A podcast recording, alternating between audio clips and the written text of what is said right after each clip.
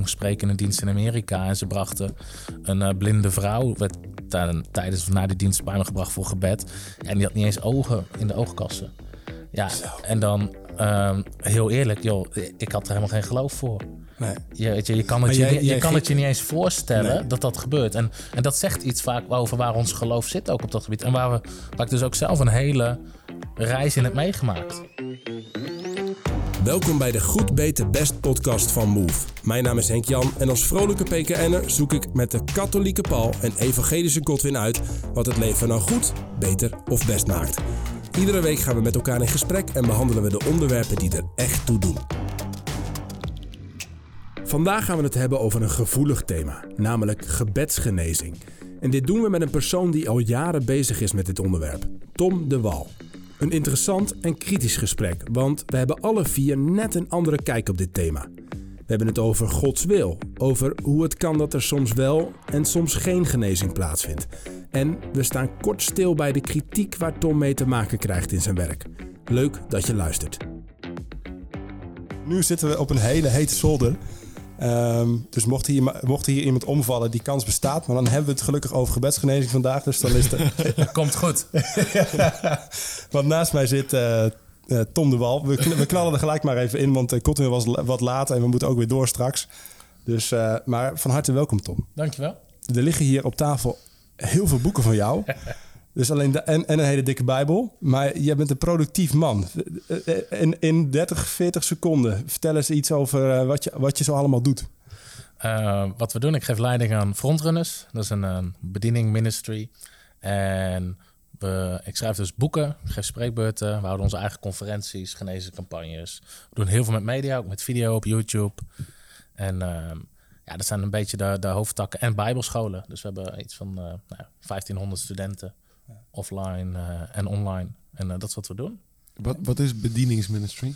Ja, dat is een goede vraag. Omdat in, uh, in Nederland kennen mensen dat begrip eigenlijk niet echt. Als je in Amerika zit, zegt ministry, dan snapt iedereen het. En heel veel andere landen ook. Eigenlijk is het een, een organisatie los van... Het is geen lokale kerk, het is een organisatie die breder opereert. Dus, en, en dan is een bediening iets wat je van God krijgt, een, een taak, een, een, een oproep, een opdracht, zeg maar, waar je dan aan Ja, ik denk je kan het vergelijken in de Bijbel. Dat je natuurlijk de apostelen, de discipelen, die, ja. ja. die zaten niet in één kerk, maar die gingen naar verschillende plekken om het woord te prediken. En uh, ja, dat is een beetje, en dat moet je natuurlijk in onze tijd vormgeven in organisatievorm. Ja. En, uh, Hey, en jij hebt haast, je bent een soort Paulus of zo. Nou, Paulus had ook tien jaar, begreep ik, dat hij gewoon uh, zat er niks ergens voorbereiding. maar jij, jij, hebt daar niet, jij bent 28, je hebt ook nog weer drie kinderen, begrijp ik net. Ja. Waaronder eentje van negen weken. En tien boeken geschreven. En tien boeken en je spreekt 200 keer uh, per jaar. Ja. Je, je, bent in een potje energie gevallen als uh, kind? of een soort Asterix Nobelix ketel? Of wat, nou ja, ik, het gebeurt gewoon. Dus ik hoef er niet heel veel moeite voor te doen. Het is natuurlijk wel, je doet veel, maar ja, ik merk wel dat Gods genade erop ligt, waardoor je het niet in eigen kracht hoeft te doen. Want even voor jouw begrip dus, Tom. Ehm, eh, je zit hier dus met onze evangelicale charismaat Pinkster. Man Godwin, die ooit 30 miljoen aan voetbalgeld liet, liet lopen om met jongeren te werken en, uh, en, en een gezinshuis op te bouwen.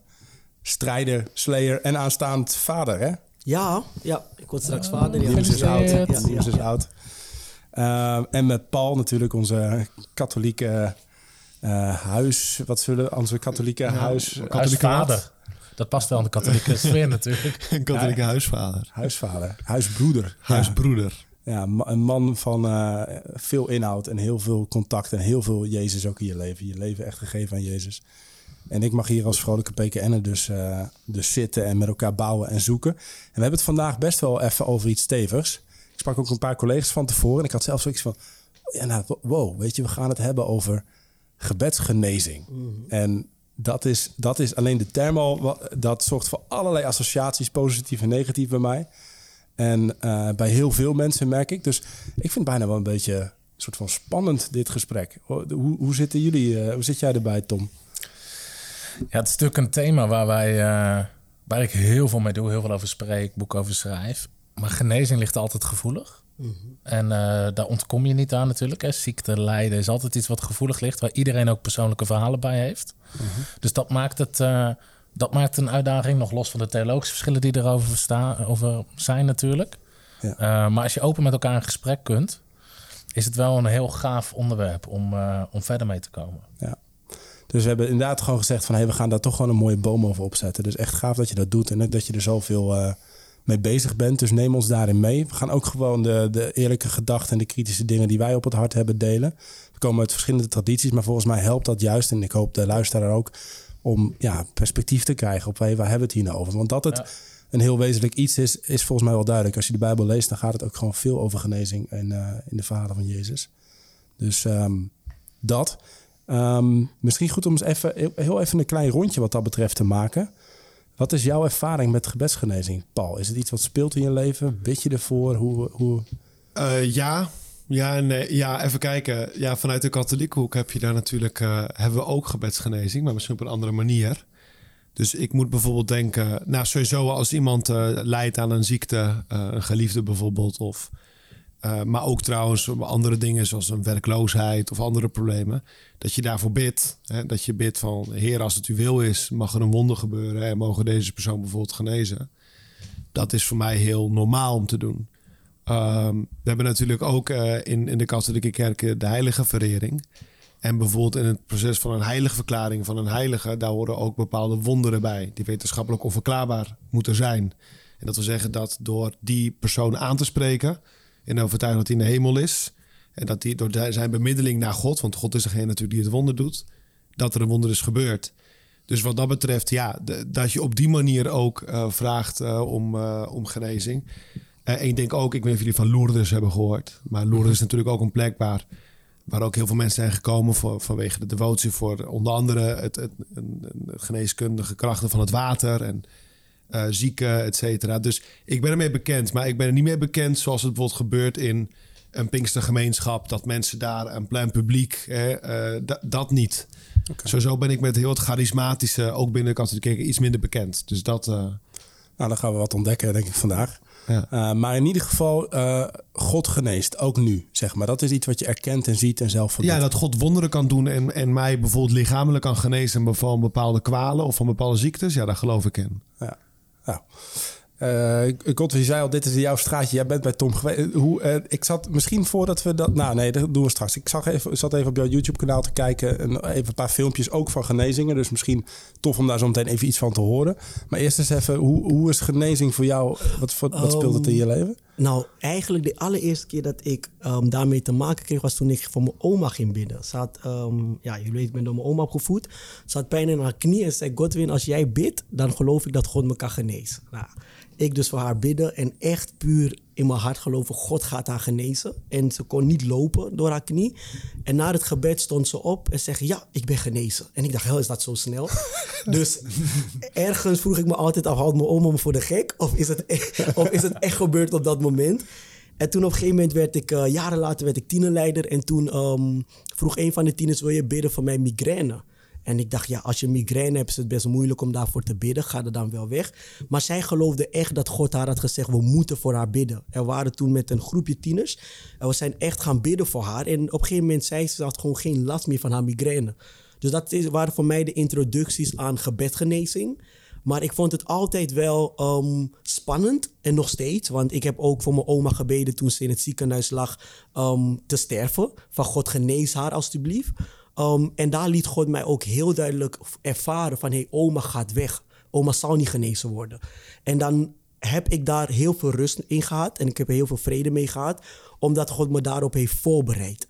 Maar ik heb wel... ehm, dus de kant van dat mensen genezen worden heb ik gezien. Maar ook de kant dat mensen sterven en niet genezen worden heb ik ook meegemaakt. En daar is denk ik waar wij als christen, of althans in mijn straatje, waar het soms een beetje lastig is in, maar wat is Gods wil dan precies? Is het Gods wil dat iedereen genezen wordt? Of is het Gods wil letterlijk wat zijn wil is, wat hij wil doen? En hoe kom je daarachter? Um, en tot de dag van vandaag bidden wij voor genezing in de kerk. Um, wij hebben uh, genezingscampagnes ook in de kerk. Um, we zijn heel radicaal in bepaalde dingen, ook in bevrijding. Zijn we heel radicaal in.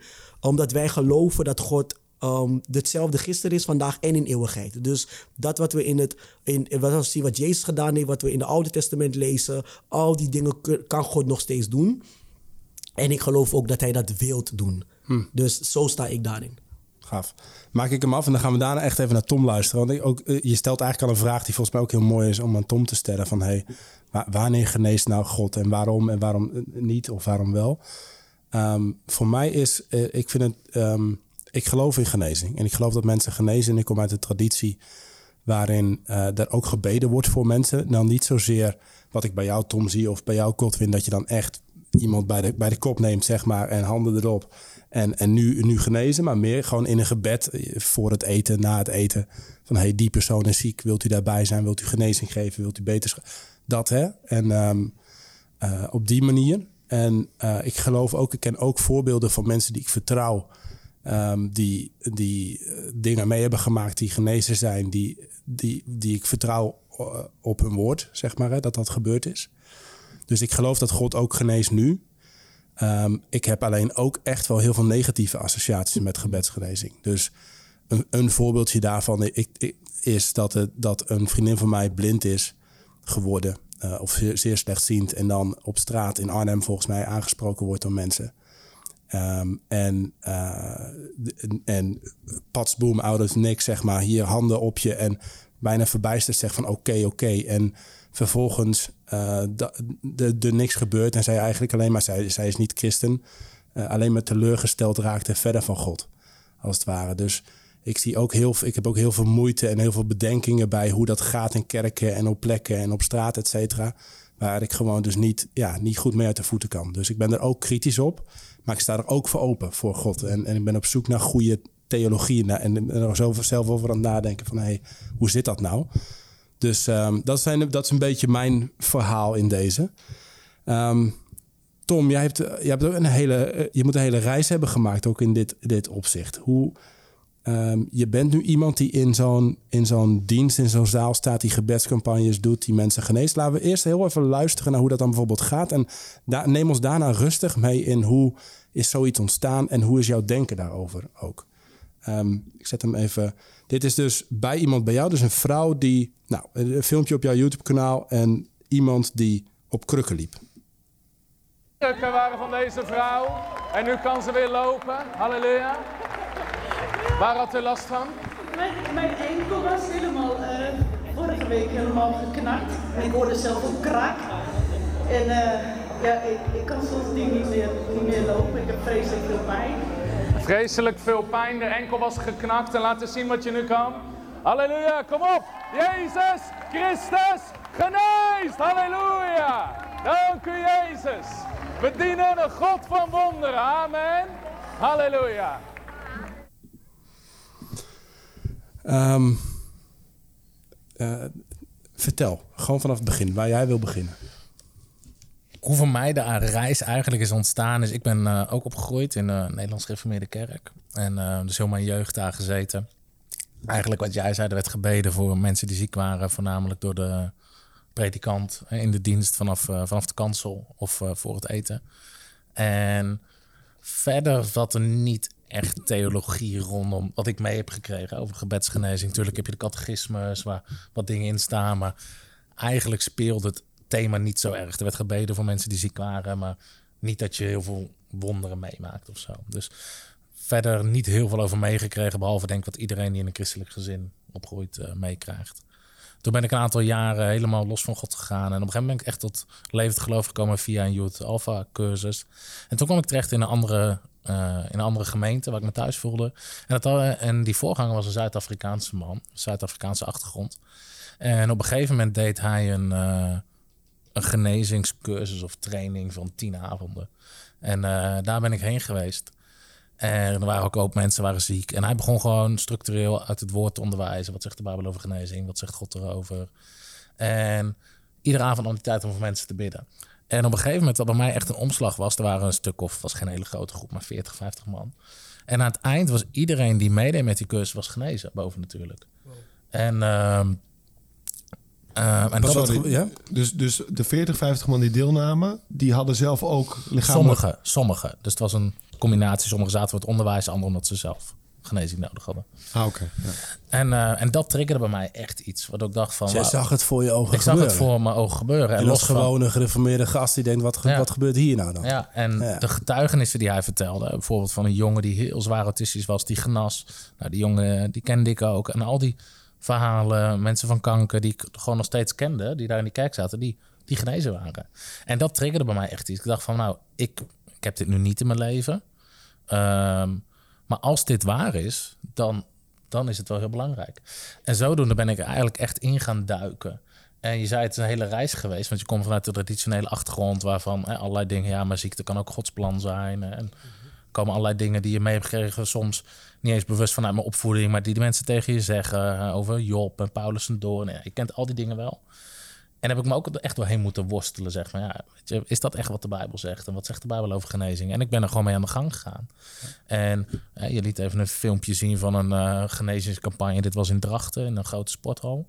Maar ja, zo ben ik natuurlijk niet begonnen. Ik ben gewoon begonnen om eh, eigenlijk met straatevangelisatie eh, voor mensen te bidden. En daar maakte ik de eerste wonderen mee. En eh, vanuit daar ook in kerkdiensten, maar ook gewoon heel veel op straat gedaan. En eh, zodoende gewoon begonnen. En het is een eh, reis waar ik nu ongeveer een jaar of tien mee bezig ben. En dus het is ook niet iets wat van vandaag op morgen... Mensen kunnen zien staan en denken van... oh, die is gisteren begonnen. Maar het is natuurlijk een reis van tien jaar... waarin, je, waarin ook je geloof groeit. Hè, dus dat voorbeeld geef ik ook wel eens. Ik weet... we komen straks waarschijnlijk nog wel op de rol van geloof... maar Ehm, geloof is best wel iets lastigs voor veel mensen als het gaat om geloof voor genezing. Ik weet de eerste keer dat ik in Amerika sprak, ik moest spreken in een dienst in Amerika en ze brachten een eh, blinde vrouw, werd tij- tijdens of na die dienst bij me gebracht voor gebed. En die had niet eens ogen in de oogkassen. Ja, en dan ehm, heel eerlijk, joh, ik had er helemaal geen geloof voor.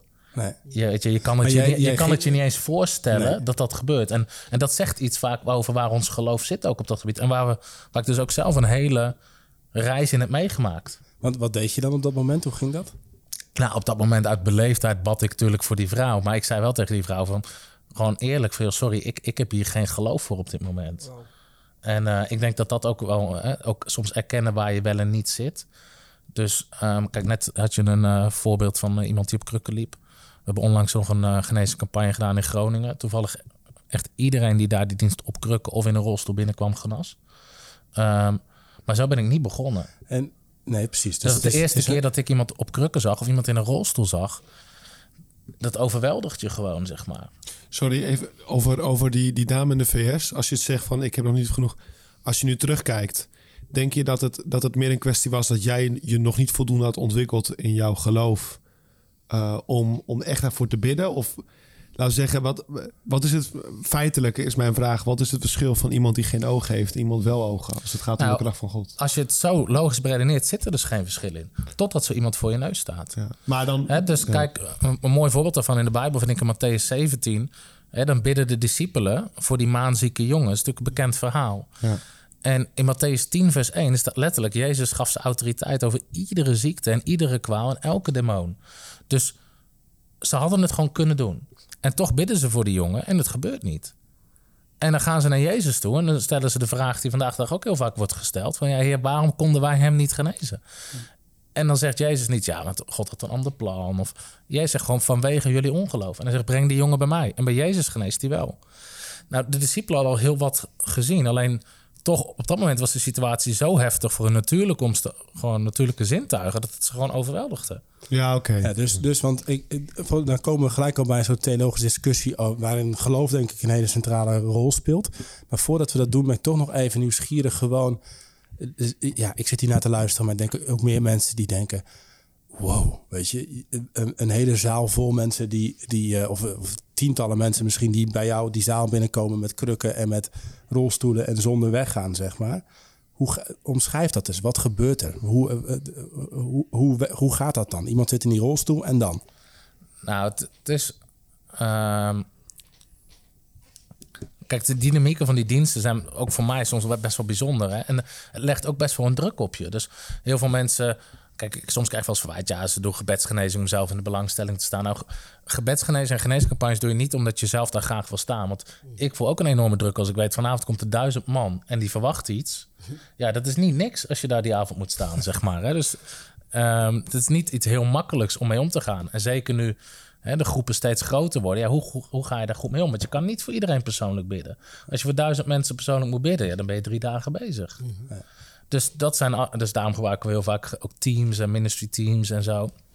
En ehm, Maar die persoon die komt dus... Dus snap ik, hè? dat doet, Ja. doet ook iets met jou. Je, je groeit daarin en Ja. je ontwikkelt daar eh, een bepaalde ja, organisatie ook in, zou je bijna kunnen zeggen. Maar die persoon die komt binnen bij jou in die geneesdienst. Goed, Godwin, jij bent daar geweest. Ja. Hoe gaat dat dan? Ehm, nou, je komt binnen, dan ehm, heb je natuurlijk, eh, zoek je een plek uit. Ik was, eh, zoals jullie weten, laat. Dus welke dienst was je? ehm, volgens mij was het, eh, nou, ik weet in ieder geval, ik moest helemaal ergens naar achter rijden en dan kapot lang teruglopen. Maar volgens mij was het die in Drachten, dacht ik. Hadden ze allemaal klapstoelen achterin gezet. En toen was er een gastspreker uit Amerika, vrouw. oh ja, dat, dat was in Ede, ja. Op, in Ja, Ede, over ja. het beleiden. Over Ja, dat ja. beleiden. Oh, in, dat, Ja. in, dat me- in die megakerk in Ede, of niet? Nee, nee. Nee, nee. Het was volgens mij gewoon in een... eh, Maakt niet in uit. een- J- in jij was daar, in Dan Ede. kom je binnen en op een gegeven moment eh, begint de aanbidding, de worship. Dus eh, gewoon de praise. En dan eh, komt er een eh jongeman op zijn gitaar. Heel nederig. Zeggen nou, we gaan nu een aantal liedjes spelen. Begint hij te spelen. En dan ga je de aanbidding in. En dat is voor mij altijd het moment waar ik ervaar van... Wow, God, ook op zondagen bij ons. God is niet alleen aanwezig, maar hij daalt echt, echt neer. Hij komt echt in, ten midden van de mensen. En dan gebeurt dat. En op een gegeven moment eh, kwam Tom de Wal oplopen. En Tom kwam oplopen. En eigenlijk het enige wat ik me op dat moment herinner is van... Oké, gaat het nu gebeuren? Dat vroeg ik me af. Gaat het nu gebeuren? Want Wat gaat dan gebeuren? ja, wat gaan mensen opstaan en springen? Gaan mensen... Kijk, ik, kom, ik ben natuurlijk ook een Afrikaan. Dus ik ben... Dat soort dingen ehm, in Ghanese kijk gebeurde ook vaak. Dus dan wacht ik en ik denk... Oké, misschien gaat er iemand nu of naast me gillen... want die wordt bevrijd. Of iemand schreeuwt halleluja met krukken. Of iemand rent naar voren en heeft een getuigenis... want ik ben genezen. Nou, Tom ging aankondigingen doen. Ik dacht, oh, oké, dus dan gaan we eerst de aanko- door de aank- Dus ik was met de verwachting Dat van... is, dat is dat gereformeerde van Tom nog, hè? Die Ja. moet eerst de mededeling uit de weg hebben. Dus alle mededelingen. En toen kwam uiteindelijk de spreekster heel duidelijk gesproken over beleiden. En daarna, ehm, ja, toen, ik wil bijna zeggen, toen gebeurde het. Het is alsof je aan tafel zit ehm, met God zelf. En met iedereen die daar wil deelnemen. En op een gegeven moment krijgt iedereen zijn eten uitgedeeld. En de ene krijgt iets meer dan de ander, want de ene heeft meer honger dan de ander. Maar daar lijkt het bijna op. Van nee, ik heb heel veel honger, dus dit verwacht ik vandaag van God. En dan merkte je ook gewoon dat bepaalde mensen... Er was iemand achter mij en er was een auto-oproep van... als je iets wil beleiden, moet je naar voren komen. En diegene liep naar voren en diegene, ja, je noemt het dan manifesteren. Diegene manifesteerde op dat moment. En diegene kwam terug en was gigantisch rustig. En dat, daar had gewoon bevrijding plaatsgevonden. En diegene kwam terug en ik dacht van... wow, dit is gewoon hoe God zijn kracht kan werken. Maar manifesteren, wat, gebe- wat gebeurde er dan? Dat wil eigenlijk zeggen dat diegene last had van... ehm, in, in, in Jip en Janneke taal boze geesten. Diegene werd lastig gevallen door ehm, boze geesten. En diegene moest bepaalde beleidingen, beleidenissen afdoen... en tegen bepaalde dingen spreken... en kon dan haar bevrijding ontvangen. En daar staat ze al heel lang mee. Heel lang heeft ze nooit uitgesproken. Ze hield het altijd binnen. En de preek ging eigenlijk over de woorden van jouw kracht. Als jij beleidt, dan kan je deze dingen ook beleiden. En als je het beleid hebt, dan kunnen we ook voor je bidden. En daar ging het, eh, ging het over. Dus zij, en dat, dat, dat is bevrijding, is nog weer wat anders dan, dan... ja. ja, Ja, precies. Maar het is nog weer wat anders dan genezing. Dus jij was niet bij een, bij een specifieke genezingsdienst. nee, bij een bevrijdingsdienst. Ja, ja. Ja. ja, Maar ook, ook nou, Ander onderwerp. ander onderwerp, Ja, ook, ook, ook interessant genoeg. Maar eh, eh, over die genezingen, Tom, Ja. zeg maar. Hoe, eh, jij gaat dan bidden en dan, wat gebeurt er dan? Nou, misschien een, een stapje daarvoor, wat ik zelf heel belangrijk vind in genezingsdiensten. En dat, wat je zegt, ik doe vaak de mededeling vooral, omdat diensten lopen uit. Ehm, dus ook gewoon dingen waardoor mensen gewoon goed, goed weten hoe het verloopt. Maar wat ik heel belangrijk vind in genezingsdiensten is de prediking van het woord. Dus de Bijbel zegt, God zond zijn woord en hij genas hem. Maar als je de wonderen van Jezus bestudeert, is er, een, is er iets wat je heel vaak terug ziet komen. Dat is namelijk dat er staat, de mensen kwamen om te horen en om genezen te worden. Dus die mensen zaten heel veel te, gewoon te luisteren naar Jezus. En, en de Bijbel zegt, geloof komt door het horen. En uiteindelijk werkt God gewoon samen met geloof. Een heel mooi verhaal daarvan. In de Bijbel vind ik ook Lucas 5. Dat is het verhaal wat iedereen kent van die verlamde man door het dak. Hè, met zijn vier vrienden. Maar er staat er in vers 17, staat er... Er was kracht van de Heer om hen te genezen. Nou, heel dat huis zat vol. En dan staat er, er was kracht van de Heer om hen te genezen. Maar hoeveel mensen genazen er in die dienst? Eigenlijk niemand. Alleen die ene man. Ja. Terwijl er was kracht van de Heer om hen te genezen. Want hij was de enige die op dat moment echt in geloof door zijn vrienden naar Jezus uitstapte. De rest zat gewoon rustig te luisteren, zeg maar. Dus het is niet altijd zo dat, eh, hè, dat Jezus het initiatief nam, ondanks dat de kracht van God er blijkbaar was. Dus heel vaak wat ik doe is gewoon predik het woord. En wat ik dus zie, waarom we vaak campagnes doen, is dat je ziet hoe meer avonden je doet, hoe meer mensen het woord horen, hoe makkelijker ze het kunnen ontvangen vaak. En is dat dan een manier, dus vanuit dat horen groeit geloof? Groeit geloof, ze horen getuigenissen, je zit onder het woord van God. En dat, dat, dat, En dat geloof is nodig voor God om te handelen en te genezen. eh, nou, ik denk, kijk, God werkt met geloof, maar het is vooral voor onszelf om van God te ontvangen, hebben we geloof nodig, ja. Ja. En uh, ik zou daar eens twee hele mooie, mooie voorbeelden van kunnen geven. Misschien, misschien wel mooi om te doen, Ja? omdat het je? Kijk, wat mij heel erg heeft geholpen, ook in, in genezing, is dat.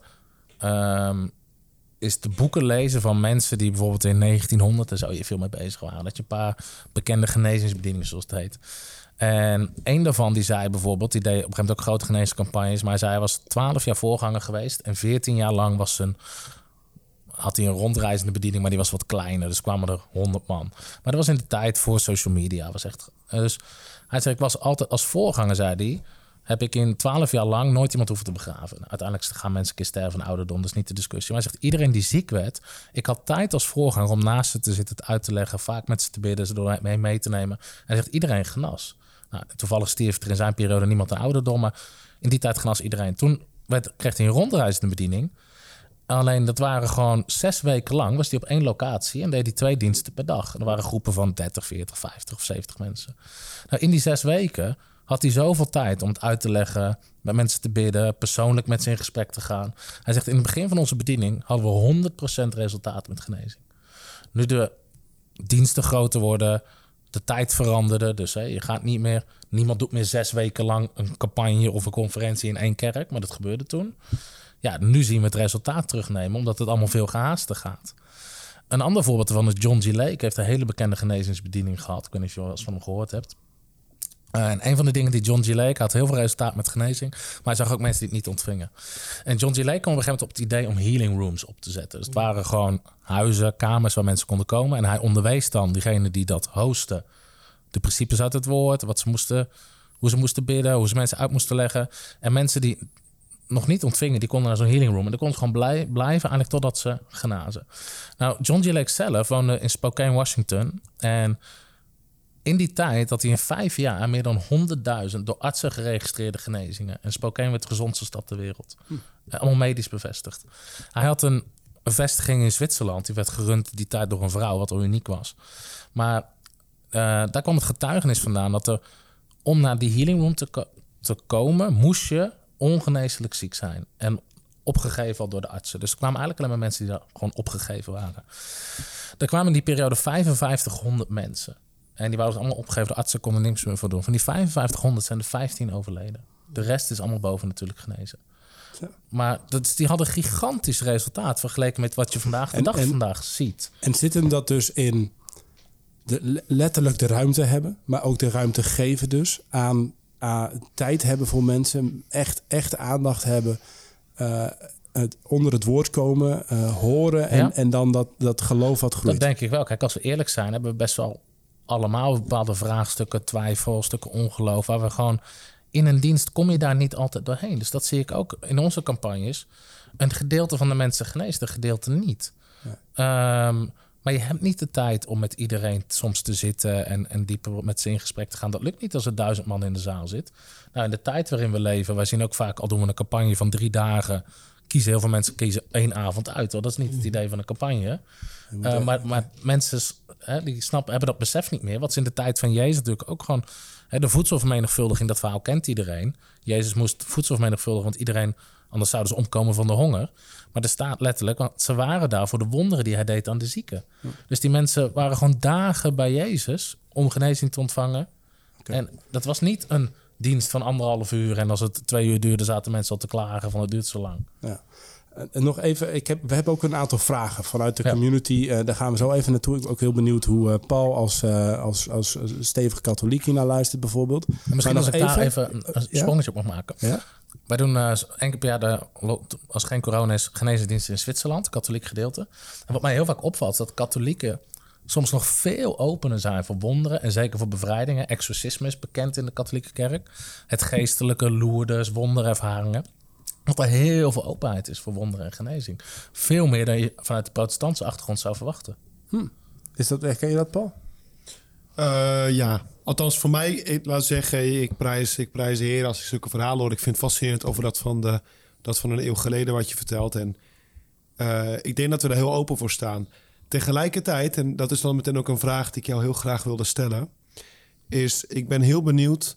Laten we zeggen, voor mij is het, ik geloof 100% dat God deze wonderen kan doen. En ik heb ook heel veel getuigenissen gelezen van onverklaarbare eh, genezing. Waarvan je zegt van ja, sorry, maar dit is zo duidelijk, dit is God. Dit is gewoon absoluut duidelijk.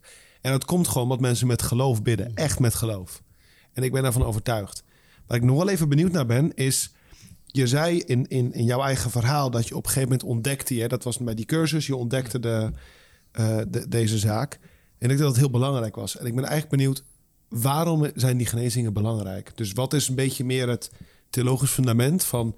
waarom is het zo belangrijk om al die mensen te genezen van, van, van deze lichamelijke kwalen?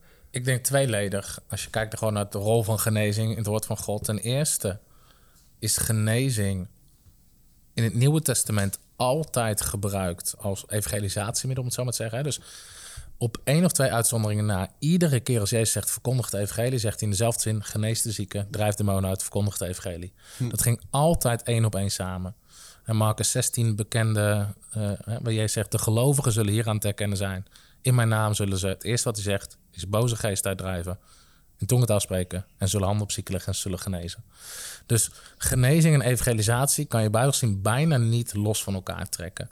Dus ook als je kijkt in handelingen, waardoor gingen vaak hele steden openden zich, gebeurde bijna wat wonderen hè, met de Filippus en er gebeurden wonderen en daardoor kwamen mensen tot geloof. Dus wonderen zijn heel belangrijk voor mensen om tot geloof te komen. Dat zie ik ook in onze campagnes. Mensen nemen buren, kennissen, vrienden, collega's mee. Nou, die hebben soms helemaal geen christelijke achtergrond.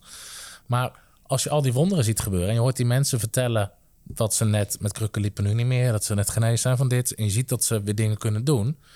Eigenlijk, botweg zeg, sta je met je rug tegen de muur. Dus je moet of zeggen, dit zijn allemaal acteurs en het is één grote show. Maar ja, dat is, dat, dat- die stap kan je bijna niet maken. Nou, je, Dus- je, je, je, je zou nog kunnen zeggen massapsychologie. Adre- Nou, met- adrenaline in ja, de zaal. Met, met, met hoofdpijn wel. Maar als doven gaan horen of mensen staan op uit rolstoelen... die gewoon echt niet konden lopen... ehm, of je ziet wonderen gebeuren voor je ogen... ja, dan kom je daar niet meer weg. Kijk, het is een bekend ding van ja, dat is adrenaline. Ehm, met, met inderdaad, iemand zegt ja, ik had net hoofdpijn, nu niet meer. Zo snap ik dat argument. Maar als je het hebt over doofheid, blindheid, dat soort dingen... ja, dan, dan, dan is, dat gaat dat argument natuurlijk niet meer op. en toch dan even... Want ik Maar wacht even, ja, even sorry, om de vraag ja, af te ja. maken. Dus ten eerste, hè, als onderdeel van evangelisatie zijn wonderen heel belangrijk. Ten tweede, omdat de Bijbel in Jezaja 53 bijvoorbeeld zegt dat Jezus ook onze ziekte gedragen heeft aan het kruis. Dus als dit is waar Jezus ook de prijs voor heeft betaald, dan is het ontzettend belangrijk. Want Jezus is er ook voor gestorven aan het kruis. En je ziet dat dus ook, in Jacobus 5. Is er iemand onder u ziek? Laat hem de oudste van de gemeente roepen, zalf met olie. Gebed van geloof bidden en de Heer zal hem genezen. Staat niet misschien of wellicht, staat gewoon, zo is het. En ik denk dat we daar ook op een kernpunt komen. Zijn we niet gewoon iets kwijtgeraakt in de kerk? We kennen vanuit het katholicisme, heb je de pastoor, de priester, heb je allerlei functies. We hebben de predikant in de traditionele kerk. Maar als Paulus in 1 Korinthe 12, hij zegt, we hebben allemaal onze plek in, in het lichaam van Christus. Zegt hij ten eerste apostelen, ten tweede profeten. Nou, dat, zien we al bijna niet meer. Maar dan zegt hij ten derde eh, werkingen, genezingsbedieningen, zegt hij, krachtbedieningen. Nou ja, je kent dat bijna niet meer in de kerk. We hebben bijna geen kerk zegt, oh, die heeft een genezingsbediening of die heeft een krachtbediening. Dus Paulus noemt dat gewoon, bij de eerste drie noemt hij dat gewoon op. God heeft iedereen de plaats gegeven, ten eerste dit, ten tweede dat, ten derde dat, ten vierde dat. Dus noemt hij krachtbedieningen, genezingsbedieningen. En uiteindelijk zegt hij, en gaven van dienstbetoon en hulp. Nou, onze kerkstructuur is bijna omgedraaid. We hebben vaak een ouderlingenraad, dat, hè, die, die begeleiden de kerk. En dat andere hebben we bijna niet. Dus we zijn ook echt iets kwijtgeraakt. Ja, nou dat voel, ik, dat voel ik een paar dingen. Dat voel ik, dat voel ik ergens wel met je mee. En ik, ik ben bijvoorbeeld zelf wel wat betrokken en bekend ge- geraakt en geweest met New Wine. Wat ook een soort charismatische eh, vernieuwingsbeweging in de traditionele kerken is. Hè, die ook meer ruimte voor ministrie, gebed en voor genezing, et cetera, probeert te creëren. Dat we, dat we soms ook, denk ik, wat star en dat dingen zijn kwijtgeraakt in bepaalde tradities. Dat, dat voel ik ook wel mee. Maar even, ik, toch een paar dingen die me van het hart moeten. Of een paar, een paar vragen. Even ook nog over dat, eerst nog even over dat groepsproces. Hè? Wat daar, of dat gebeuren wat daar in die zaal plaatsvindt.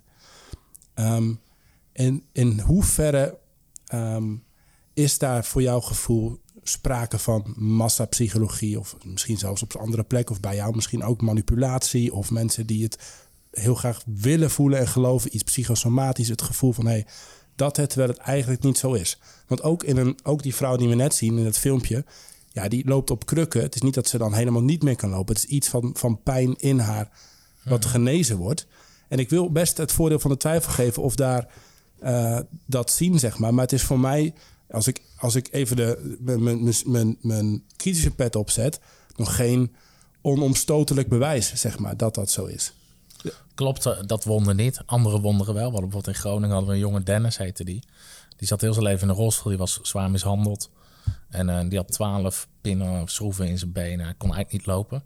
Met heel veel moeite met krukken. Dus omdat hij niet wist dat de kerk rolstoelvriendelijk was... had hij zich met krukken achter in de kerk weten te wurmen.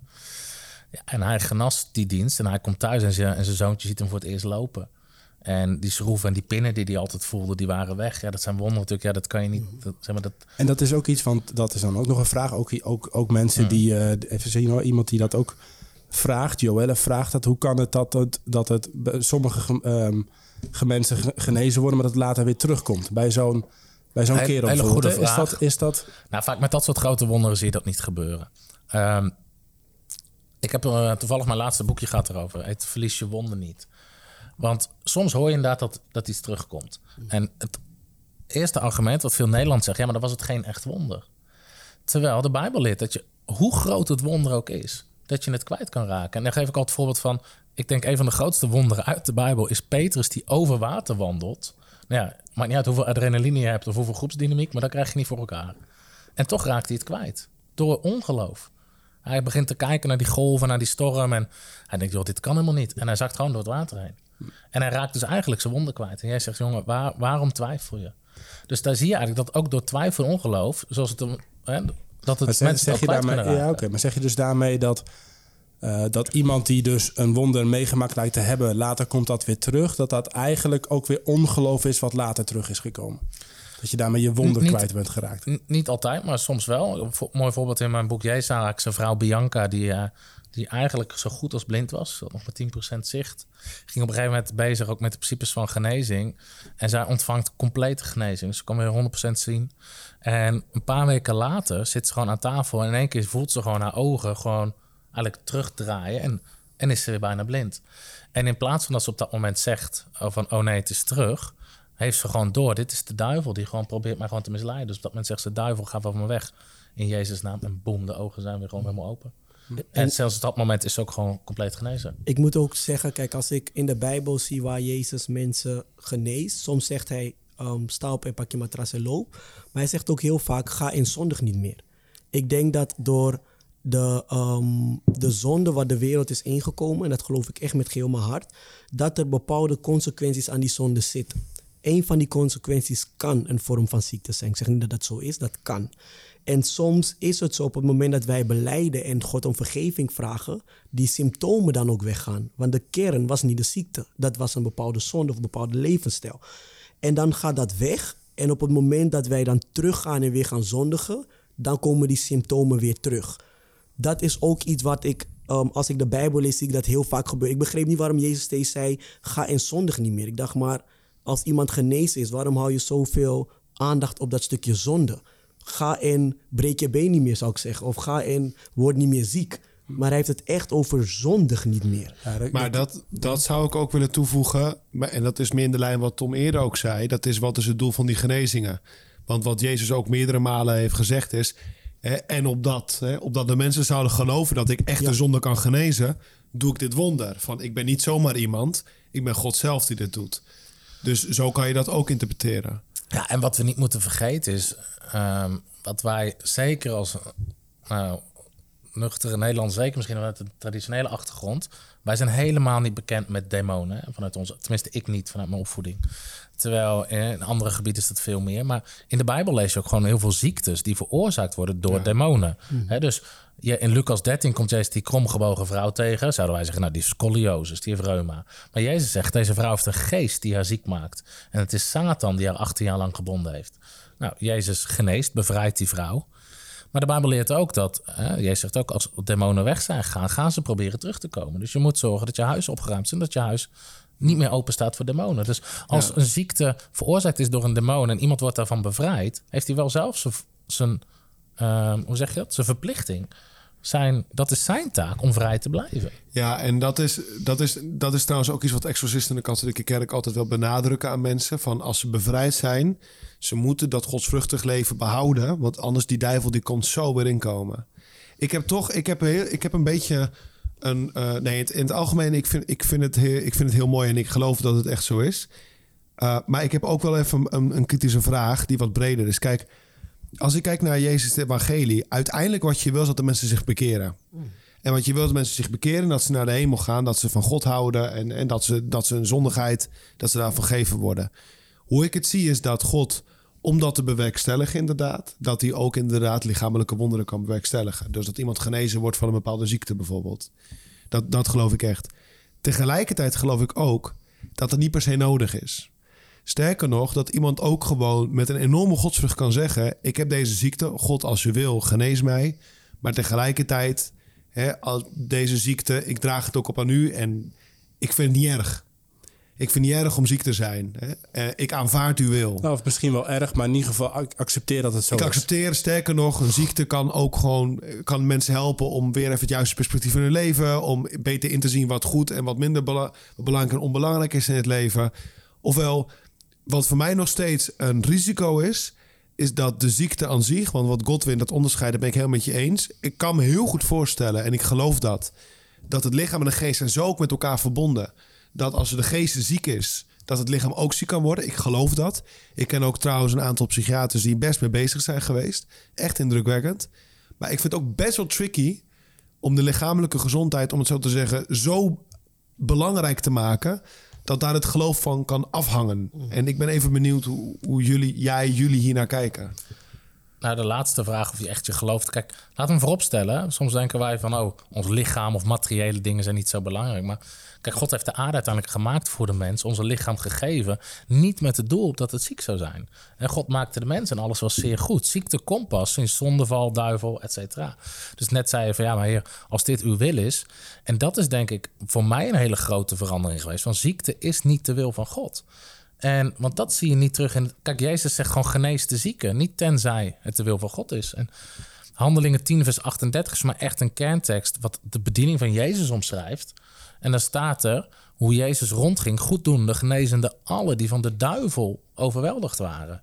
Nou, Jezus heeft duizenden mensen genezen. En die wordt allemaal gezegd, die van de duivel overweldigd waren. Dus Jezus en de apostelen zagen ziekte nooit als iets van God. Ook in Jacobus, als iemand onder u ziek is, zegt hij niet... nou, laat hem het ervaren aanvaarden als Gods wil. Laat hem de oudste roepen, zalven met olie, bidden in geloof en genezen. Dus het hele idee van, ja, maar ziekte is misschien wel Gods wil voor mij... dat zie je niet terug in het Nieuwe Testament. Volgens, volgens, mij hebben, eh, volgens mij hebben we twee dingen te pakken. Enerzijds, waar komt die ziekte vandaan? En waar- waarom komt die ziekte misschien terug? Wat is daar de... Is dat iets van God? Is het iets van de zonde? Is het iets van de duivel? Nou, dat hebben we net even aangestipt. Daar kun je verschillend over denken. Maar ik ben het ergens wel met Tom eens... dat ik niet geloof dat God de ziekte wil of geeft aan mensen. Of, of, of dat het iets is van, van God, zeg maar. Dat. Wat mijn, waar mijn vraag nog meer ligt is... betekent dat automatisch ook... hoe kijk jij daarnaar, Tom... Ehm, dat God daarmee wil of, of ervoor zal zorgen dat hier en nu in dit leven al die ziekte verdwijnt. Nou, ik denk dat het een illusie is als we denken dat eh, hier en nu alle ziekte verdwijnt. En de Bijbel spreekt over een nieuwe hemel, nieuwe aarde, eh, waar, dat niet meer zal zijn. Tegelijkertijd geloof ik wel dat het Gods willen is dat zeker zijn kinderen, maar überhaupt dat mensen genezing ontvangen. Dus En, en soms doe ik juist expres wat bottere uitspraken in mijn boek om mensen wakker te schudden. Maar een van de dingen die ik zeg is, ja, ziekte is niet Gods taxi om mensen thuis te halen. Dus je leest heel vaak in het Oude Testament, hè, ze gaven gewoon de geest, hè, ze trokken hun benen op en ze stierven. Terwijl in onze maatschappij is ook heel erg het denk ontstaan van, ja, als je niet ziek bent, kan je niet sterven. Terwijl je kan gewoon sterven uit ouderdom. Ehm, en ik geloof persoonlijk dat dat Gods plan is voor zijn Maar- kinderen. want, maar goed, sterven aan ouderdom, daar is ook altijd een oorzaak voor. Er is iets in het lichaam kap- kapot, iets houdt ermee op, iets is eh, ja, ziek geworden, zeg maar, waardoor het niet meer functioneert. Ehm, de, maar, maar even belangrijker nog, dus de, de, geloof je dat uiteindelijk iedereen die genoeg geloof heeft, eh, genezen zal worden door God? Dat God dan altijd handelt? Het is geen kwestie van genoeg geloof. Zo denken wij heel vaak, hè, van genoeg geloof. Maar ik geloof wel dat God iedereen wil genezen. En waar komt, waardoor komt het dan dat niet iedereen soms geneest? Dat is dan een kritische vraag die ik ook krijg van vrienden. Um, laat me daarin mijn oma als voorbeeld nemen. Mijn oma die is een, eh, radicaal, was een radicale christen. Ehm, alles wat ik weet over het woord komt door mijn oma. Mijn oma kon je altijd op de straten vinden. Mijn oma nam mensen mee naar huis, bad voor mensen. Mijn oma heeft ook gigantisch veel wonderen meegemaakt en gezien. Maar ze is, ze is op een gegeven moment werd ze ziek. Ehm, dat was in de tijd van corona. Toen is ze naar het ziekenhuis gegaan. eh, kruisbesmetting. Zij kreeg corona, ging naar de IC. En ze is daar gestorven. Zo, volgens de medische boekjes gestorven aan corona. Dat was het, eh, de doodoorzaak. Maar we hebben wel heel erg gebeden voor mijn oma. Dus mijn vraag dan is, ehm, waarom doet God dat soms dan niet? Ligt het aan de mens? Of ligt het aan het feit dat God bepaalde dingen soms ook gewoon toelaat? Kijk, het algemeen de vraag waaraan ligt het als iemand niet geneest... is een hele moeilijke en hele gevoelige vraag. Dus kijk, het standpunt wat ik even inneem... Het, het is niet de wil van God en het ligt niet aan God. En waar het dan wel aan ligt... ja, daar kunnen verschillende oorzaken... ik denk ook, hè, de Bijbel zegt... verborgen dingen zijn, eh, zijn voor God... en de openbare dingen zijn voor de mensen. We weten niet altijd alles. En, dus, en je moet zeker niet proberen om in specifieke leven... soms aan te wijzen, oh, daaraan lag het of zo. Maar dat doet niks af van het standpunt... dat God wel wil genezen. Ehm, maar bij Maar ook in, en, want het, het komt wel even scherp hierop, hè, ook voor mij. En, ik, en we kunnen ook tot een conclusie komen dat, je, dat we verschillen in theologie. Ik heb hier van tevoren ook even over nagedacht en even contact over gehad. Bijvoorbeeld met, eh, met Ronald Westerbeek, die is uh, huistheoloog van New Wine. Heeft ook veel geschreven en gedacht over gebedsgenezing. En wat hij eigenlijk zegt is, ja, je hebt ook, ook in de theologie en ook in het denken daarover, heb je verschillende uh, ideeën. Dus um, grofweg heb je in de soort van wat hij noemt de derde charismatische uh, vernieuwingsbeweging, stroming, uh, die opkomt en waar bijvoorbeeld New Wine en Alpha en Moziek en zo zich misschien toe, toe scharen. Heb je mensen die denken vanuit het, het koninkrijk, uh, het koninkrijksdenken. Dus de koninkrijkstheologie, waarin eigenlijk gezegd wordt, en dat deel ik, van hey, het koninkrijk van God, waar, Jezus, waar het Jezus primair om gaat hè, in, het, in het Nieuwe Testament, dat is reeds, dat is gekomen. Uh, dat is al gekomen, maar het moet ook nog komen. En dat, daar zit een, gekke dubbeling in, iets, iets wat moeilijk is om te vatten. Maar enerzijds is het er al gekomen, proeven we er al van, kunnen we er al van watertanden? Is het iets wat, wat, wat nu al te, te, te, te, te vinden is, waarin Jezus ook nu nog geneest? En anderzijds is het nog iets wat moet komen en nog niet volledig is. En daarmee is dus misschien uh, in hun optiek, of in die optiek, in die theologie, is er ook nog ruimte om te zeggen: er is, er is nu ook ruimte voor lijden en voor niet genezen nog. En waarom God in het ene geval wel geneest, waarom in het geval andere geval niet, dat is dan misschien niet helemaal te vatten soms. Um, maar in ieder geval is er ook nog een God die misschien niet handelt, of een God die dat niet doet. En hij zegt eigenlijk: Nou. Uh, de, er zijn ook de, de Toronto-beweging, zeg maar, hè, en, en uh, uh, andere theologen, andere die, die misschien een traditie waar jij je, ik wil niet eens op je plakken, Tom, dus zeg het vooral zelf zoals je het zelf ziet, maar die, die veel meer uitgaan van een theologie waarin er al overwinning is, waarin je in de overwinning mag stappen en, en mag zeggen: God wil dit. En we hebben geloof nodig om, om hier ja, om dit te, te, te ontvangen en te grijpen, als het ware. Mm -hmm. hoe, hoe zie jij dat? Kijk, ik denk het zijn twee dingen voor mij even van belang als ik je verhaal hoor. Ik, ken het hele argument alreeds nog niet. Het probleem wat ik daarmee heb, is dat ik het niet direct terugzie in het woord. Dus het is iets wat, wat, wat mooi bedacht is, om het zo maar te zeggen. Maar op het moment dat die maanzieke jongen niet geneest, zegt Jezus niet... ja, maar jongens, je moet ook niet denken dat het allemaal al... Die ruimte laat het woord niet als het gaat om genezing. Dus jij zegt gewoon genees de zieken, leg handen op zieken zullen genezen, zalf ze met ze zullen genezen. Er is geen één tekst die zegt misschien gebeurt het niet. Dus dat, dat, daar heb ik de moeite mee dat je twintig teksten bij aan de kant schuift om een mooie theologie te zeggen, ja, maar zo zou het wel iedereen kan instemmen, maar het is niet in lijn met het woord. Dus ik had ooit een keer, kijk, jij zegt als je mij hebt gezien, heb je de Vader gezien. Hè? Dus als je wil weten hoe is God, moet je naar Jezus kijken. Maar jij zegt ook, wie in mij gelooft, zal hetzelfde doen als ik. Ja. Dus ik had ooit een keer, toen gaf ik les op een bijbelschool, ook over genezing. En er was, zat een jonge dame en die werd echt woest tijdens mijn les. En die schreeuwde, mijn oom is predikant en heeft kanker. En hebben honderd mensen voor hem gebeden. Hij is nog niet genezen, dus het is niet Gods wil. Toen zei ik, nou, zeg, mag ik twee vragen stellen? De eerste, eigenlijk maar één vraag. Wat nu als Jezus bij hem binnenloopt? En die legt handen op hem, wat gebeurt er dan?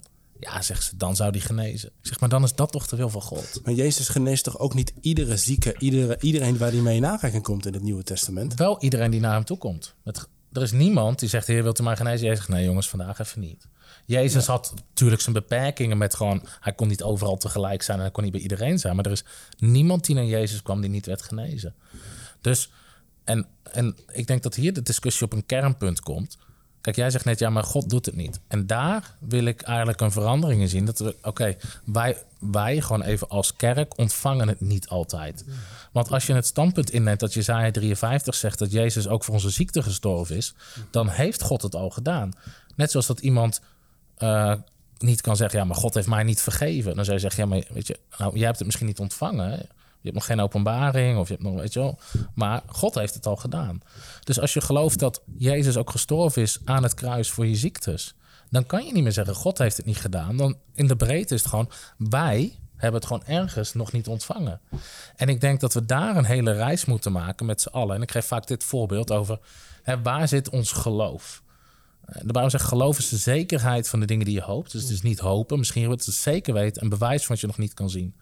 Als ik een evangelisatiecampagne doe en er zit duizend man in de zaal, met overal vandaan. Op het moment dat ik een oproep aan doe van, joh, wil je vergeven worden van je zonde? Je kent, je hebt zonde, je hebt Jezus nodig, je wil je leven geven aan Jezus, je gelooft dat hij gestorven is, opgestaan uit de dood. Kom naar voren. Je kan gedoopt worden. Op het moment dat, laten we zeggen, er komen 300 man naar voren. Die allemaal Jezus niet kennen, maar die maken daar echt bewust een besluit. Ik geloof in Jezus. Dan begint iedereen te applaudisseren. Weet je, deze mensen, weten, deze mensen worden gered. Dat weten we 100% zeker. Dus ons geloof voor redding is heel zeker. Als ik nu een oproep doe, als je ziek bent, kom naar voren. En er komen 300 man met krukken, rolstoelen, kanker. Dan denken we, oh nee, wat gaat er gebeuren? Gaat er iets gebeuren? Dus ons geloof voor redding is zoveel verder ontwikkeld dan het geloof voor genezing.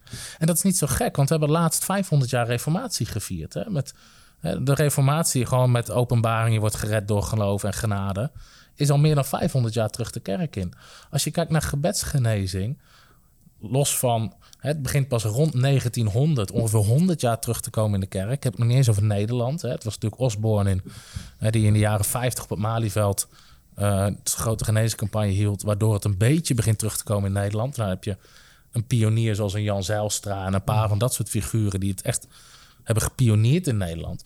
Maar het is zo nieuw en nog zo onwennig dat voor mij het standpunt, jongens, wij zijn aan het leren en aan het ontdekken, ook over de gaven van de geest, die genezingsbedieningen.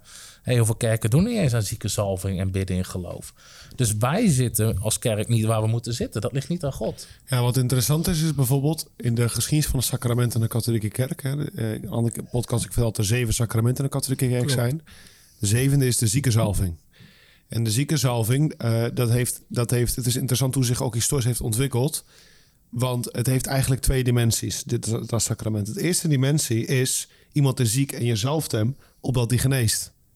De tweede is, is dat als iemand al op sterven ligt, eh, van ouderdom of een andere ziekte, dat de ziekenzalving ook een extra kracht geeft van de Heilige Geest om die laatste momenten van de dood te volharden in hoop en in geloof. Tegenwoordig ligt de nadruk veel meer op die tweede dimensie dan op de eerste. Mhm. Dus er wordt nog steeds gezegd, het heeft de eerste dimensie, maar het wordt als minder belangrijk of wat dan ook. En dat is, dat is wel interessant. Ik, ik, vind het, ik vind het super boeiend wat je vertelt. Daar zet me echt heel veel aan het denken. Er is, nog, er is wel één ding wat nog steeds bij mij wringt. Want wat je zegt over de Heilige Schrift, dan zeg ik fair enough. De Heer is daar heel duidelijk over. Dan zie je alle wonderen.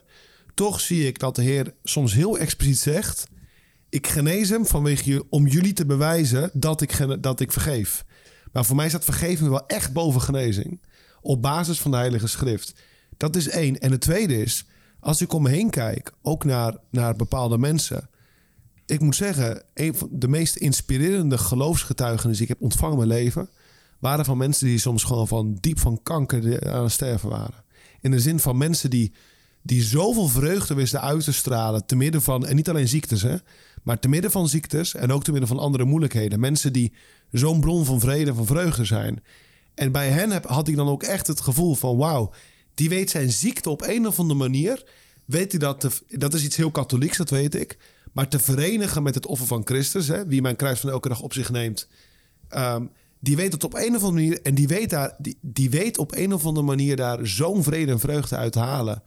Van, en op dat moment denk ik wel van ja, een ziekte op zichzelf. Het is inderdaad lichamelijk een kwaal. Maar ik ben het niet eens dat een ziekte op zichzelf, dat dat, laten we zeggen, dat het per se. Dat er altijd een soort geestelijke genezing... of dat er altijd een genezing voor moet zijn. Ja, zeg of maar. dat, we zeggen, Paulus, ik weet niet of het in de Colossens of Corinthiërs is, maar dat Paulus zelf ook zegt van, hè, ik, ik, eh, ik, ik plaats wat ontbreekt aan het offer van Christus. Dat je wel degelijk ook, ook bijvoorbeeld jou eh, een bepaalde ziekte of iets kwaads van de wereld, dat als zo kan dragen en we kan verenigen met het kruis van Christus. Dat is, het is misschien wel heel mystiek en diep om daar nu al heel veel op in te gaan. Maar het punt dat ik wil maken is dat, dat mijn ziekte, dat dat iets goeds kan hebben in de zin dat het een offer is, hè, om het te zeggen, die kan verenigen met het offer van Christus. Nou, Ja. in ieder geval, ik weet niet of dat tweede... Nee, ja, nee, maar ik kan, ik kan daar wel in, in mee. Ik ben ook wel benieuwd wat de Cottins gedachten zijn. Maar ik... ik ehm, ehm, kijk, ik zie hoe oprecht jij bezig bent, Tom, met, met jou. En, en je verlangen ook, zeg maar, om meer genezing te zien ook in de kerk. En dat, daar, dat we daar misschien dingen in hebben gemist. En daar meer van mogen zien, ook in Nederland Ja. en, en daarbuiten. En dat dat ook een teken kan zijn van, hey, dat God werkt. Voor mij is het alleen primair eh, gaat het inderdaad ehm, over Jezus, die ook in het Nieuwe Testament dat soort, dat soort tekenen en wonderen gebruikt om te laten zien: hé, hey, ik leef, ik ben er, er breekt een nieuwe tijd aan, Gods nieuwe wereld is hier. En, eh, en daar gaat het om, en, en, eh, primair voor mij. En, en niet primair over iedereen mag of moet genezen, als het ware. En dat heeft voor mij ook, dat botst gewoon ook zo met de praktijk van het, van het leven. En ook zo met de praktijk van, van die vriendin van mij die dan op straat aangesproken wordt en teleurgesteld raakt. Maar zo met de praktijk van mensen die, die lijden, die ziekte hebben, die ook heel veel geloof hebben. En als je het afhankelijk maakt van, joh, je, je, je, we, missen nog iets en waar het precies aan ligt, misschien onduidelijk. Maar uiteindelijk ligt het aan ons van, hey, kunnen we dit ontvangen en kunnen we genoeg geloof daarvoor vinden? Dat vind ik echt veel mensen tekort doen, die gewoon lijden onder ziekte en meer geloof. Je kunt ook niet beoordelen hoeveel geloof heeft iemand in zich. Hoeveel, wie, wie dat, hè? Dat, da- daarvan denk ik echt, daar moeten we, zo, moeten we, meer, daar moeten we voorzichtiger mee zijn. En, en, ruimte bieden ook in het, in het pastorale, in het optrekken met mensen aan, aan het feit dat ziekte en lijden gewoon onderdeel is van wat er nu nog is. Totdat Jezus definitief terugkomt, als het ware. En dat is, daarom ben ik wel, ja, dat reeds en nog niet, dat, dat we in de tussentijd leven, dat het er allebei is. Dat is wel iets wat ik uiteindelijk omarm, denk ik. Ja, alleen dan kom je dus wel op het punt wat ik net zeg. Dan schuif je heel veel tekst aan de kant om iets op basis van gevoel en omstandigheden te onderbouwen. En dus als ik mijn geneesonderwijs gaat altijd, jongens, het woord is de waarheid. Probeer even je, want iedereen heeft gevoel, emotie, ervaring. Probeer dat even allemaal los te laten. Laten we eerst gewoon eens kijken wat zegt het woord hierover. En dat vinden we heel lastig. Dus heel vaak komen mensen naar, ja, maar met die en die, hoe zit het met die, hoe zit het met die? Maar ik neem mensen gewoon, maar wat zegt de Bijbel nou? Laten we, daar, laten we het daar eens over hebben. En, en dan kom je tot hele andere conclusies. Ja, maar ik kende ook iemand en die had ook geloof. Eh, uiteindelijk zegt Jezus van, joh, als je naar mij kijkt, heb je de Vader gezien. En ik ben de weg, de waarheid en het leven. Dus als je, als je met God wil wandelen, bouw je... Ik zou ook wel eens bouw je theologie niet op je tragedie.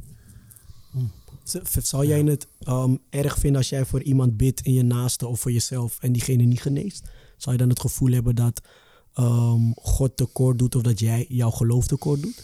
Nou, ik geef ook wel eens training over, over hoe bid je voor mensen. En een van de dingen... Kijk, daarom zeg ik, genezingsbediening is niet makkelijk. Hè? Dus het is ook een last die je op je neemt...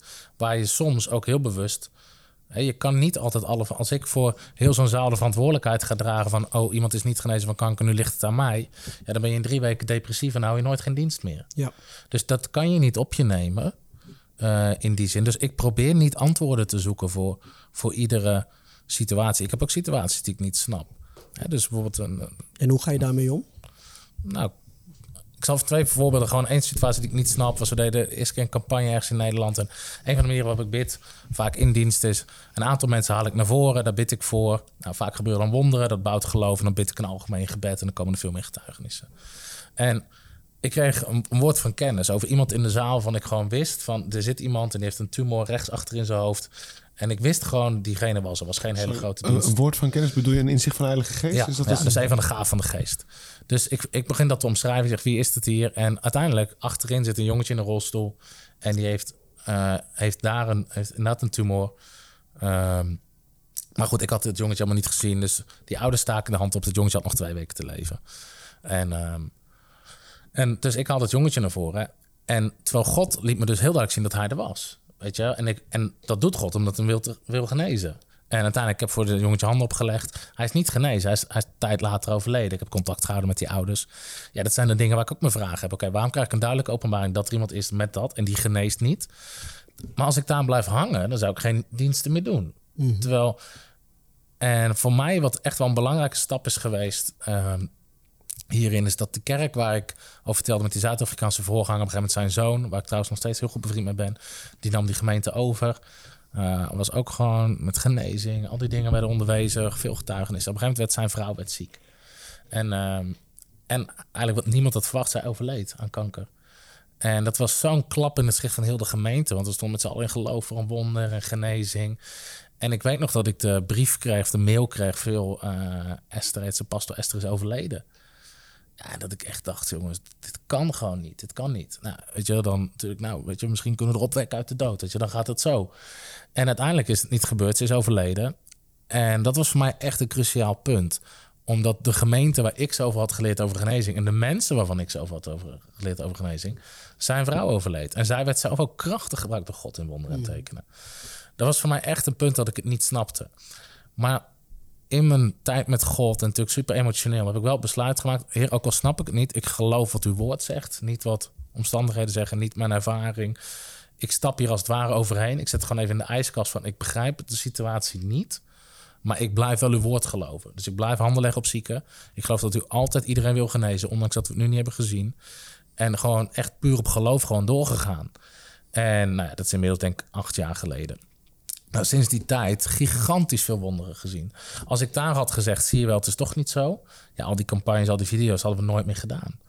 Nu, D- Dus, eh, eh, sorry, ga je dus, dus soms, het klinkt hard, maar soms moet je ergens overheen stappen. Ehm, en, het gewoon, en dan kan ik het in een kast parkeren. Ik begrijp het niet, maar ik hoef het niet te begrijpen. Ik hoef geen antwoord te hebben. En nu, inmiddels acht jaar of tien jaar later, eh, ook, ook eh, Bernard heet hij trouwens. ehm, die toen ook, hij, zei, hij snapte het toen ook niet. Nu zegt hij, tien jaar later, als ik terugkijk en wat ik geleerd heb, en als ik kijk hoe we er toen mee omgaan. Hij zegt, nu snap ik waarom het niet gebeurd is. We hebben echt gewoon echt stappen gemist. Wat we dachten dat geloof was, dat was geen geloof. Was gewoon ontkennen, je kop in het zand steken.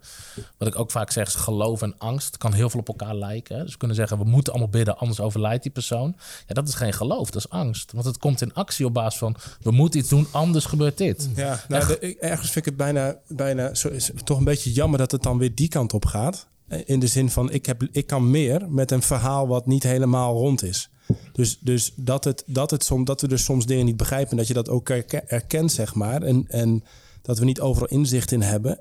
En dat we desondanks toch gaan op de weg van Jezus en dus ook zeggen van... hé, hey, dan mag je ook bidden voor genezing. Dat vind ik mooi.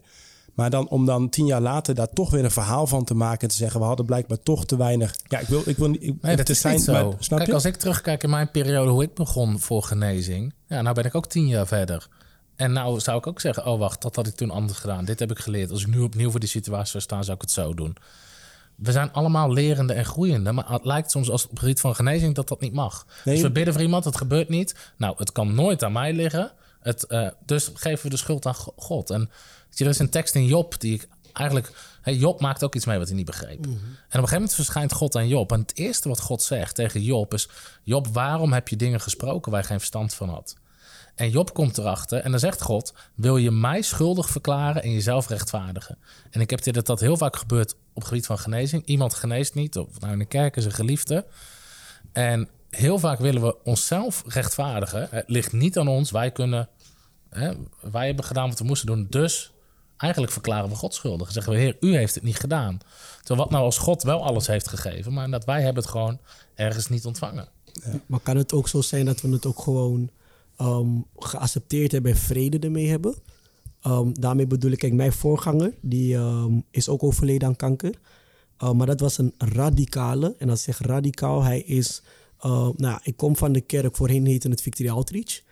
We zijn nu safe haven. Voordat hij stierf, heeft hij dus nog gewoon de hele kerkstructuur in zijn lijden, in zijn, in zijn um, ja, ziektemoment gewoon helemaal aangepast en veranderd. Hij ervaarde, God zegt, dit moet ik doen voor ik kom te overlijden of mocht ik te komen overlijden.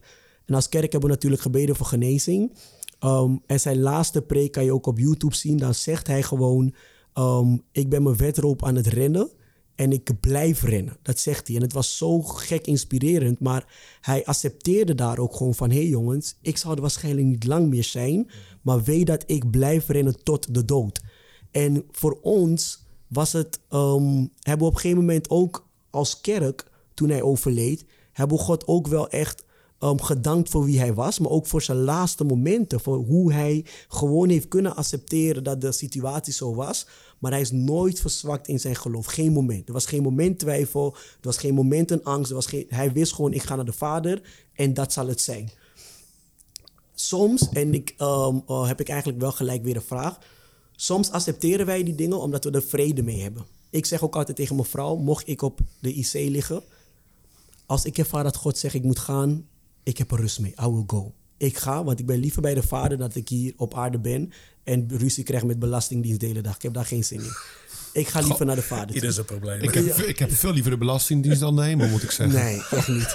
Ja, dan moet je katholieke beeld nog even aanpassen. ja, je moet eerst naar het vagevuur, dat is een probleem. Ja. Nee, de belastingdienst is het vagevuur. Ja, ja maar um, ik weet dat ik dat op, geen, op een bepaalde punt zou accepteren. Zoals ik ook geloof dat mijn oma dat op een bepaalde punt heeft geaccepteerd. Maar is er ergens, Tom, en dat is een vraag voor jou... hoe gaan wij, want die radicaalheid kan ik herkennen, maar ergens heb ik toch een vraag.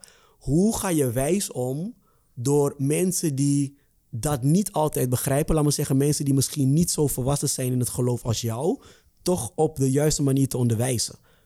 Begrijp je mijn vraag een beetje? Hoe gaan we niet voorbij die mensen? Want, hoe, want er is een hele groep mensen. Ja, hoe maak je geen brokken? Mensen, mensen ja. die, die, die ook gevoelig zijn voor en dan het gevoel krijgen, ja, het heeft toch aan mij gelegen, aan mij, het gebrek aan mijn geloof of aan uh, dat. Ja, dat is een hele lastige vraag. Omdat, uh, kijk, je kan bijna, überhaupt kan je niet door het leven navigeren zonder dat mensen soms aanstoot nemen aan wat je zegt of wat je doet. En zeker hoe gevoeliger het thema, hoe groter die kans is natuurlijk. Dus als je kijkt, als ik kijk hoe, hoe recht Jezus was, hè, bij die maanzieke jongen, zei ze, heer, waarom konden wij het niet? Jezus zegt, vanwege jullie ongeloof. Nou ja, dan zou je best kunnen zeggen, als wij dat vandaag de dag zou direct zouden zeggen als Jezus, zouden we een heel groot probleem hebben. Ja. Terwijl Jezus gewoon constant mensen heel direct aansprak. Het is misschien ook wel een cultuurding dat we daar heel moeilijk mee om kunnen gaan. Maar kijk, mijn manier om mensen, hè, ze proberen erin mee te nemen, is gewoon door onderwijs te geven, stap voor stap. En dat zie je natuurlijk hè, met een kort interview of wat dan ook. Dan moet je in grote stappen snel thuis. Maar ik kom ook best tot mijn recht als we het inderdaad gewoon eens tien avonden gewoon eens structureel er doorheen kunnen gaan en mensen kunnen helpen. Dan kan je er al die dingen heen. Dus ik denk het antwoord is vaak gewoon mensen gewoon stap voor stap proberen mee te nemen. Ja. En het, het, het is geen onderwerp wat je even in drie kwartier even doorslikt en dan zegt, nou, ik, ik snap het. We zijn al een uur en tien minuten bezig. Ja, ik, heb toch, ik wil toch even één vraag stellen. Um, ik krijg kanker. Hè? En dan heb ik de optie van nou, gebedsdienst, et cetera. Maar we hebben ook nog niet gesproken. Ik ben heel benieuwd wie er naar kijkt. Uh, nou, hoe zit het nou met wetenschap, ziekenhuizen? Uh, ja. Dat je gewoon naar de medisch expert gaat. Bijvoorbeeld dat je gaat voor een chemotherapie. Ja. Dus ja. Hoe, hoe, hoe, kijk jij daarnaar? Hè? Van, van, uh... Ja, goede vraag. Ja, ik zeg altijd, grijp alles aan om gezond te worden. Dus we zijn helemaal niet tegen medische wetenschap of eh, medische trajecten. Ik zeg altijd, mensen grijpen alles aan om gezond te worden. En dat zegt iets over ons. Want uiteindelijk wil iedereen wil gezond worden. Dus soms zeggen mensen, ja, maar ik geloof dat God me deze ziekte heeft gegeven. Maar ze gaan wel naar het ziekenhuis. Dan denk ik, ja, dat is dan ook tegenstrijdig. Dan ben je ook tegen God aan het strijden. Als je echt gelooft dat God het je heeft gegeven, dan moet je, het ook, moet je er ook niks aan doen. Nou, dat zit in niemands aard, want iedereen wil vechten voor gezondheid. En ik denk dat is ook iets wat God in ons heeft gelegd. Hè? Dat God wil dat we gezond zijn. We willen zelf gezond zijn. En uh, dus ik zeg altijd, pak alles aan wat ja. nodig is om gezond te worden. Je ziet dat ook wel in de Bijbel terug bij die bloedvloeiende vrouw. De Bijbel zegt dat ze was 12 jaar, als ik me niet vergis, um, aan het vloeien. Maar ze had al haar kosten aan medische kosten al uitgegeven, al haar geld. Dus ook zij had, was gewoon naar iedereen toegegaan. Jawel, maar dat wordt gebruikt natuurlijk ook een beetje als een negatief voorbeeld. Nou, misschien ik. is wat, wat interessant vanuit... Toch? Ik weet niet vanuit, hoe jij... Vanuit historisch perspectief, als je dus radicale genezingsbedieningen, zoals een John G. Lake of John Alexander Dowie, als je die bestudeert, die hadden het vaak over demons, diseases, devils en doctors. Dus je zet de doktoren in hetzelfde rijtje als demonen. Nou, dat... De tandarts, de tandarts geloof ik wel. Ja, maar als je, als je een stukje context bestudeert waar hun uitkwamen, de gezondheidszorg, toen was het gewoon zo: oh, nou, je hebt last van je, van je longen, laten we ze eens eruit halen en kijken hoe het gaat. Dat was gewoon heel. Hè, je, hebt, uh, je hebt hoge bloeddruk, nou, dan laten we je gewoon bloed leegbloeden. Ja. Ja. Dus dat is de context waarin zij schreven over doktoren, waar sommige mensen nog steeds, ja, en die pakken dan tekst als vervloekt is en ieder die op een mens vertrouwt. Weet je, maar denk ja, dat kan je dan overal op aanhalen. Dus soms als je, die, als je uit 1900 leest, hoe gelezen, dachten over doktoren, ja, zodat meer mensen stierven door naar de dokter te gaan dan door thuis te blijven. Ja, nee, dus, dat snap ik. Dus maar, dat is niet te vergelijken met vandaag. Nee, dag. dat snap ik. Maar wat ik zelf zit te denken is, als we zeggen ook bijvoorbeeld van nou, zoiets als een ziekte, hè, uh, in dit perspectief, uh, de oorzaak aan bijvoorbeeld zijn onze, de erfzonde, ja. de zondigheid van de mens. En het, het, kan echt genezen worden door geloof. Dan lijkt het bijna um, alsof op het moment dat ik bijvoorbeeld in therapie ga in een ziekenhuis, artsen, operaties, dat het eigenlijk dat ik een soort van menselijke wetenschappelijke remedie ga zoeken voor iets wat een zondige oorzaak heeft. En daarom dacht ik dat daar misschien een bepaalde spanning kan zijn omdat je zo vurig overtuigd bent van het belang van ja, gebedsgenezing. volgens mij, we, we, er valt nog heel veel te zeggen. Ik, en, uh, so, ja, ja ik heb nog wel één laatste vraag. Uh -huh. uh, misschien ga jij daar ook al naartoe. Maar ik ben wel benieuwd, Tom. Je bent jong. Um, ik, ik ervaar soms de druk vanuit um, de samenleving ook wel. En dan heb, heb ik niet zo'n grote podium als wat jij hebt. Um, hoe ga jij met alle kritiek om en de dingen die je hoort? Als ik rond mijn Facebook scroll en ik zie iets van jou wat geherpost wordt, is het of zeer positief of super negatief. Het ja, zit er nooit zijn, tussenin. Wij zijn natuurlijk theologisch behoorlijk uitgesproken. Dus mensen zijn vaak inderdaad of voor of tegen ons. Ja. Uh, ze krijgen heel veel kritiek. Kijk, je hebt twee soorten kritiek. Hè. Je hebt gewoon mensen die theologisch met je oneens zijn. Nou ja, dat is prima. Dat is, uh, Zoals nu, we kunnen een gesprek voeren. Ja, klopt. Ja. ja. Kijk, wij, we hebben sowieso beleid op social media. Ga, ga, gaan we dit niet op in, want daar ben je nergens anders mee bezig. Dat is een soort kritiek. Nou, hè, iemand kan theologisch met je oneens zijn. Dan heb je nog een stuk verder. Dan ben je meteen een dwaalleraar, een valse profeet. En je zal veel ja. branden in de hel. Ja, uiteindelijk, je moet alles met, naast met je neerleggen. doktoren. Ja. ja. uiteindelijk leg je dat alles naar. En je hebt dingen die je echt op je karakter aanvallen. Hè? Dus mensen zeggen, ja, dit is genezingsdiensten voor het geld of, uh, of dat soort dingen. Maar ja, dat, dat is natuurlijk, dat is echt op de persoon gewoon aanvallen. Ja. En, uh, ja, en dat kan heel lelijk zijn. Dus dat is maar gewoon... als jij die dingen leest, want ik heb laatst, uh, ik, ik ging mezelf googlen, kwam ik een artikel tegen wat op, um, op een website kwam. Ging ik het lezen. En ik dacht van, weet je, ik ga al die comments lezen, want het doet me toch niks. Ja, maar dat moet je nou, niet doen. aan het einde van de avond, bro, ik kon gewoon janken. Want ik dacht ja, van, denk, mensen hadden gewoon geschreven van, deze jongen bestaat niet. dit is gewoon nep, dit is niet waar. En ik dacht, ik ga me niet aangevallen voelen. Ja. Maar ik heb gewoon een mail gestuurd naar hun redactie van... bro, kunnen jullie dit alsjeblieft weghalen? Want het slaat nergens op. En het heeft te maken met het feit dat de sector waarin ik werk... is gewoon een best gevoelige sector. Ik vang andere mensen hun kinderen op... die hun kinderen niet meer mogen opvoeden van de overheid. Daar is waar ik in zit. Dus als deze kinderen mijn naam googlen... en achter zo'n een, een artikel lezen... Ik lees het terug en ik denk van wow, ik was wel even geschokt. Dus mij, hoe ga jij... Ik heb het wel naast me neer kunnen leggen hoor. Maar Lees jij die dingen? Kies je er bewust voor om het niet te lezen? Ik lees ze eigenlijk niet meer. Je leest ze dus niet in het begin wel, dan ben ik benieuwd al wat wordt gezegd. Maar net wat je zegt, het, het, hè, je, uiteindelijk ga je er toch over nadenken. En kijk, Jezus liep er ook tegenaan. Hè? Genas mensen, mensen zeiden ook bij Jezus, het is van de duivel. Ja. Dus het is al van altijd dat Hè, dat bedieningen, of, of gewoon als, als God werkt, wordt het gewoon bekritiseerd. Zelfs van Jezus zeiden zij is van de duivel, het is een hoerenzoon, van alles en nog wat werd gezegd. Dus je ontkomt daar gewoon niet aan. En dat hoort ook wel bij een stukje, een stukje bediening of wandelen in je roeping. Ja, zaligsprekingen. Hè? Ik bedoel, het is vrij duidelijk wat een leerling van Jezus typeert. Dus Ja. Wat dat betreft. Dus eigenlijk moet je het zien als een compliment. Want als je, als je niemand zou bereiken, je, weet je, blijkbaar ben je een belangrijk target. Snap je? Blijkbaar komen, komen de dingen in beweging. Doe je iets wat de moeite is om aan te vallen. Ja, Dus eigenlijk hoe meer kritiek, natuurlijk niet op de verkeerde dingen, maar het is eigenlijk een goed teken.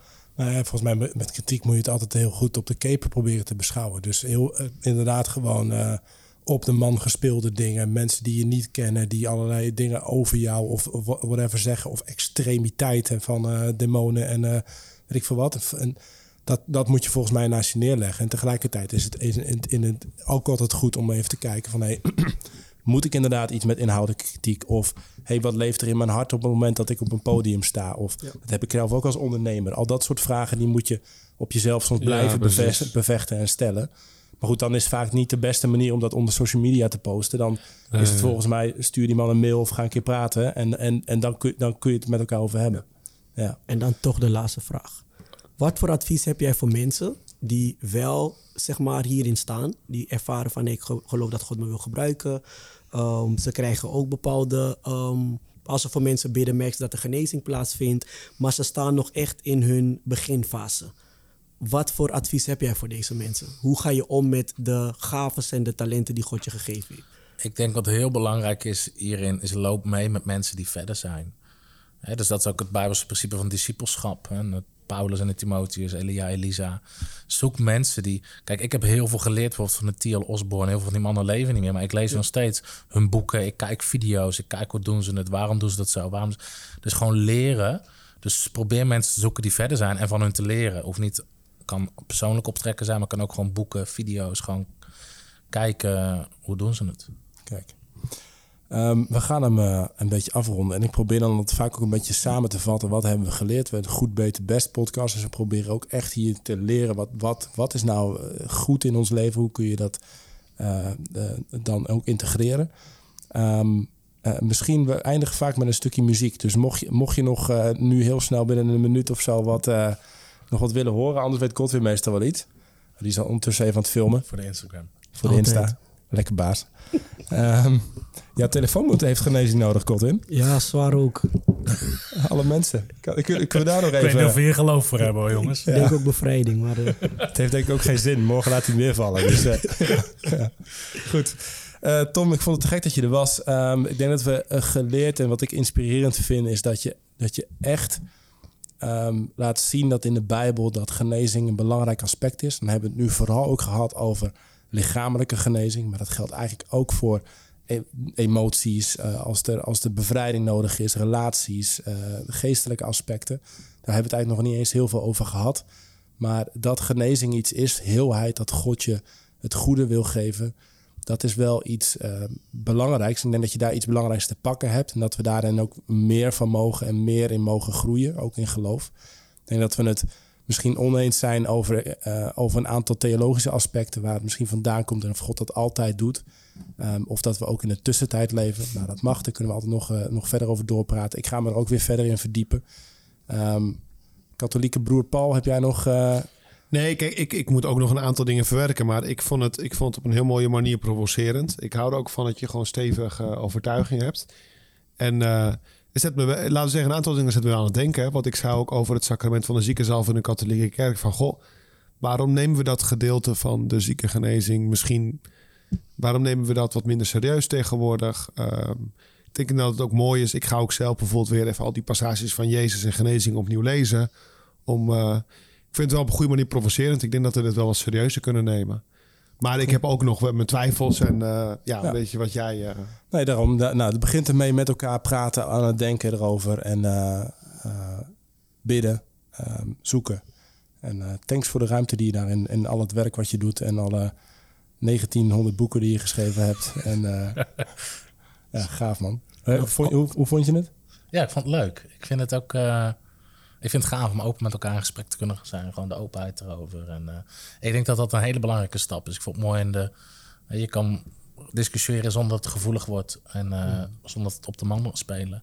En ik denk dat dat zeker voor dit soort onderwerpen gewoon heel belangrijk is om er met elkaar verder in te komen. Kun je, kun, je, kun je Godwin en Muik van kaalheid genezen? Is, zit dat er nog ergens in of niet? eh? Daarvoor ga ik naar Turkije. alles mag, je moet alles aangrijpen. Hè? Alles. Maar is Godwin?